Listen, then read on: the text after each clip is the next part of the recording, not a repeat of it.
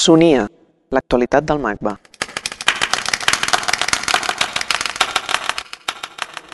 Programes públics al MACBA, un acostament a l'art contemporani. Parla Tonina Cerdà, responsable de programes educatius al museu. Els programes educatius dins el MACBA tenen per objectiu atendre tot el públic possible que vulgui visitar el museu. No tant aquell públic que ja entra naturalment per la porta i ve a visitar una exposició, o sigui una activitat, sinó pensar projectes i programes que puguin captar aquell públic que no s'atreveix ben bé a venir perquè pensa que l'art contemporani és molt allunyat o té un recel inicial en assistir al, al MACBA. El MACBA, un museu amb una clara intenció educativa. L'existència dels, dels departaments d'educació als museus d'art contemporani és un fenomen relativament recent, tot i que no estem parlant de dos o tres anys.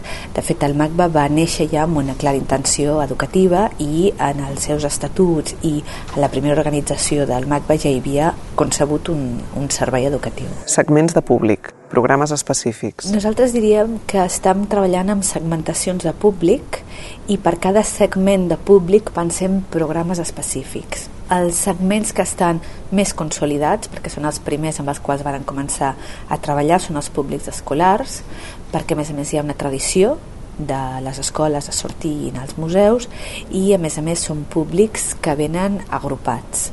I llavors tenim programes específics per a estudiants des de 3 anys, tot i que tenim alguna experiència amb la franja educativa 0-3, que seria educació infantil, però dirien que els nostres programes realment van adreçats a la franja educativa 3-18 claríssimament i després en programes més adaptats tota l'etapa universitària de postgraus i de màsters de tota manera treballant també amb tot el públic adult oferint un servei de visites guiades cada dia a les 6 de la tarda i tots aquells grups que ho sol·liciten també concerten una, una visita.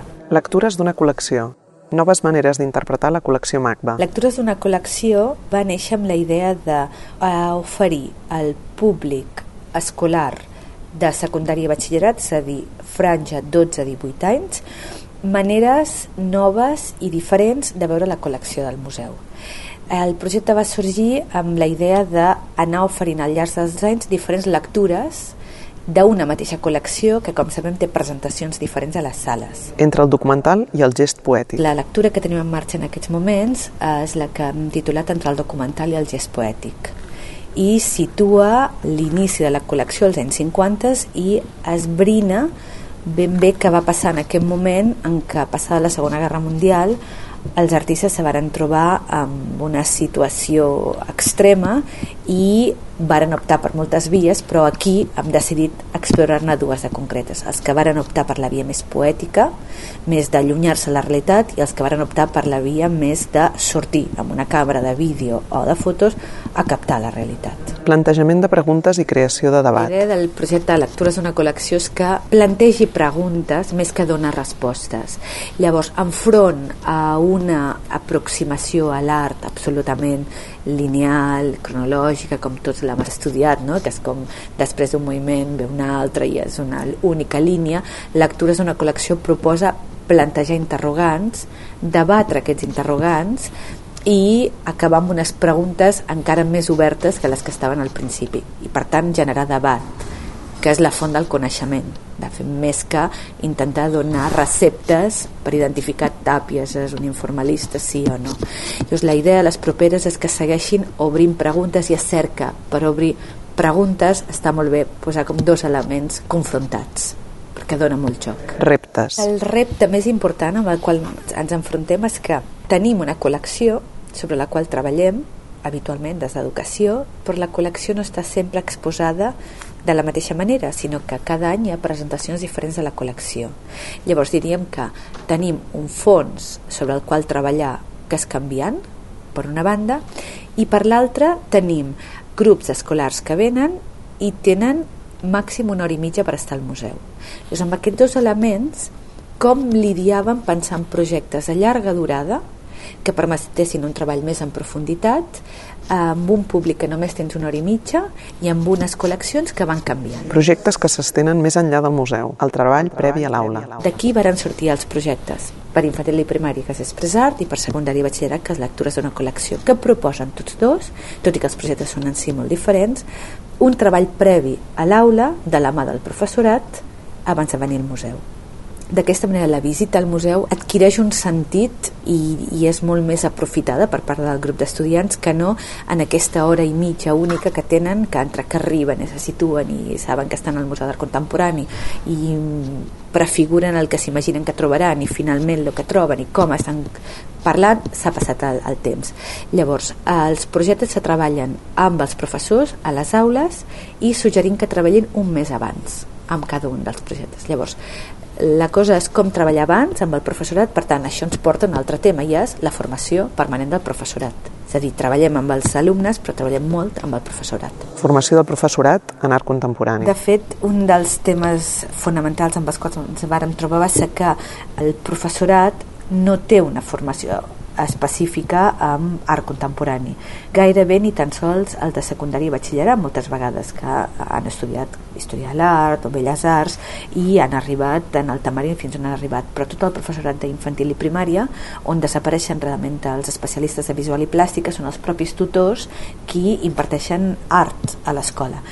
Per tant, la demanda del professorat era clara i evident. Convenis de col·laboració amb el Departament d'Educació i amb l'Institut de Ciències de l'Educació a Catalunya. Hem establert convenis de col·laboració tant amb el Departament d'Educació per una banda, com en l'Institut de Ciències de l'Educació per una altra. I oferim cursos permanents de formació del professorat que tenen per la seva banda certificacions i per tant ells també, ja que fan l'esforç de o bé venir aquí o bé assistir a algun dels cursos que organitzem als centres de recursos pedagògics de tot Catalunya, ells acaben formant-se i obtenint les qualificacions necessàries com a formació permanent que necessiten. Presentació de projectes als centres de recursos pedagògics. A part de les formacions de cursos, fem presentacions dels recursos als centres de recursos pedagògics hi ha 80 i pico repartits per tot Catalunya i des del museu ens traslladem a tot el territori presentant tant el projecte Expressar per infantil i primària com lectures d'una col·lecció per secundària i batxillerat.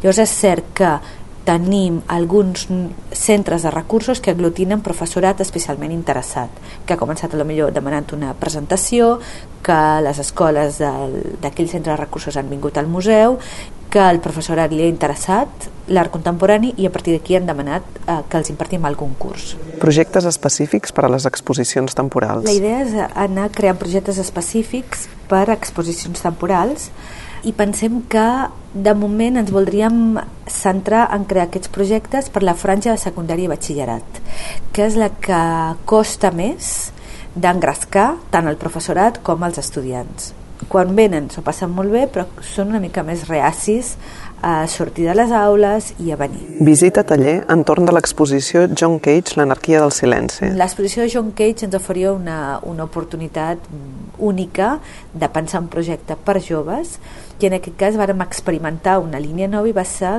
comptar amb la col·laboració d'un artista que també és educador, el Jordi Ferreiro, perquè pensés i dirigís una visita taller que consistia en una visita per l'exposició de Cage molt particular, vista molt per ell mateix, on explorava els límits de la música i de l'art i interrogava el grup ben bé què era una cosa i què era l'altra i acabava fent un exercici d'experimentació sonora amb un pedal de loop al mig de l'atri del museu. Aquest mateix projecte el varen posar en marxa també els dissabtes a la tarda per joves i també per famílies i se va acabar apuntant públic adult i teníem grups absolutament heterogenis i s'acabava el dissabte a la tarda a l'atri amb una espècie de gran performance col·lectiva on tothom anava a fent una improvisació sonora. Picasso, el meu mestre, Rodney Graham i l'apropiacionisme. En el cas de mm, l'exposició de Rodney Graham ens interessava treballar l'artista, però no només l'artista, sinó el tema fonamental, que era l'apropiacionisme. I llavors, com un artista s'apropia de llenguatges d'altres èpoques, d'altres artistes, a més amb l'obra que tenim ara, que és Picasso el meu mestre, que permetia establir una relació amb el Museu Picasso. Juntament amb ells hem pensat un projecte conjunt titulat Picasso el meu mestre, o com Ronnie Graham s'apropia de Picasso, que el que fa és una proposta d'itinerari que comença al Museu Picasso observant com Picasso s'apropia de Velázquez a través de les menines i presenta Picasso com un gran apropiador de llenguatges com l'apropiació ha estat una pràctica habitual al llarg de tota la història de l'art i per tant amb un recorregut caminant des del Museu Picasso fins aquí s'observen alguns edificis on han estat reinterpretant i reapropiant eh, estils d'altres èpoques i s'acaba el museu amb Rodney Graham primer veient com s'apropia de Picasso i després com s'apropia de Freud, de Donald Judd, de molts altres. Programes per a famílies, visites, visites tallers, tallers, cinema. Aquest any, 2010, hem consolidat una oferta que només havíem oferit de manera més tentativa, que era pensar una programació per les famílies. O sigui, una vegada consolidat el públic escolar amb totes les seves franges educatives i consolidat el públic adult amb el seguiment que fan de les visites guiades que tenen una programació estable cada dia a les 6 de la tarda, al cap de setmana doblem també el matí i a les nits també eh, quan fem les nits del MACBA, que és tot el període d'estiu, també fem visites a les 8 i mitja i a les 10, una vegada consolidats aquests segments de públic, ens hem obert a un segment de públic que cada vegada demanda més, que és el públic familiar.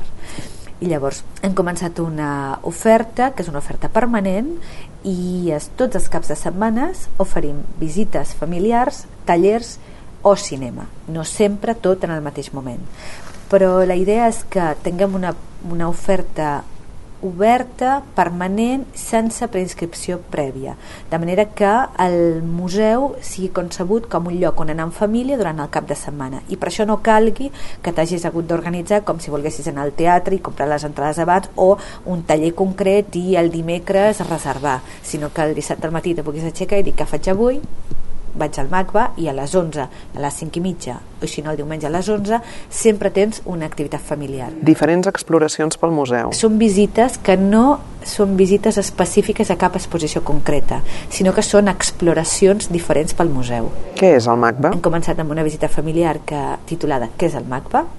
que volien que fos el lloc on poguessis preguntar tot allò que sempre has volgut preguntar sobre l'art contemporani però mai t'has atrevit a preguntar i està funcionant molt bé. Nassos i orelles, igual, igual retrats. Amb l'excusa de l'exposició de Valdessari, però aprofitant també obres que tenim a la col·lecció, que són retrats, volíem indagar sobre el retrat, saber eh, quins elements són necessaris per fer un retrat, què és un retrat, podem fer un retrat només amb una part del cos, pot ser un, un retrat de fragments del cos, i és a la visita familiar que hem titulat Nassos i orelles igual retrats, i aquí anem seguint i incorporant noves visites als caps de setmanes. Qüestions d'espai. Seguirem amb una altra que començarem amb l'exposició de Fischer titulada Qüestions d'espai, que no serà només l'espai expandit de l'escultura, sinó també l'espai mental, l'espai temporal, no? i la idea és anar creant uns espais on pares i fills o adults i nens puguin compartir una uh, activitat la visita no està pensada ni per uns ni pels altres, sinó ben bé per tots dos. És cert que és una visita, però acaba amb una part d'experimentació final tipus taller. Aprendre art contemporani. Són programes educatius que el que volen és deixar un bon regust a la gent que vingui, és a dir, que surtin amb una bona experiència. Evidentment que aprenguin, però també que surtin amb una bona experiència. I tenim aquests casos meravellosos d'algú que ve algun nen que ve a l'escola durant la setmana i al cap de setmana porta els pares perquè li ha agradat realment venir al museu. macba.cat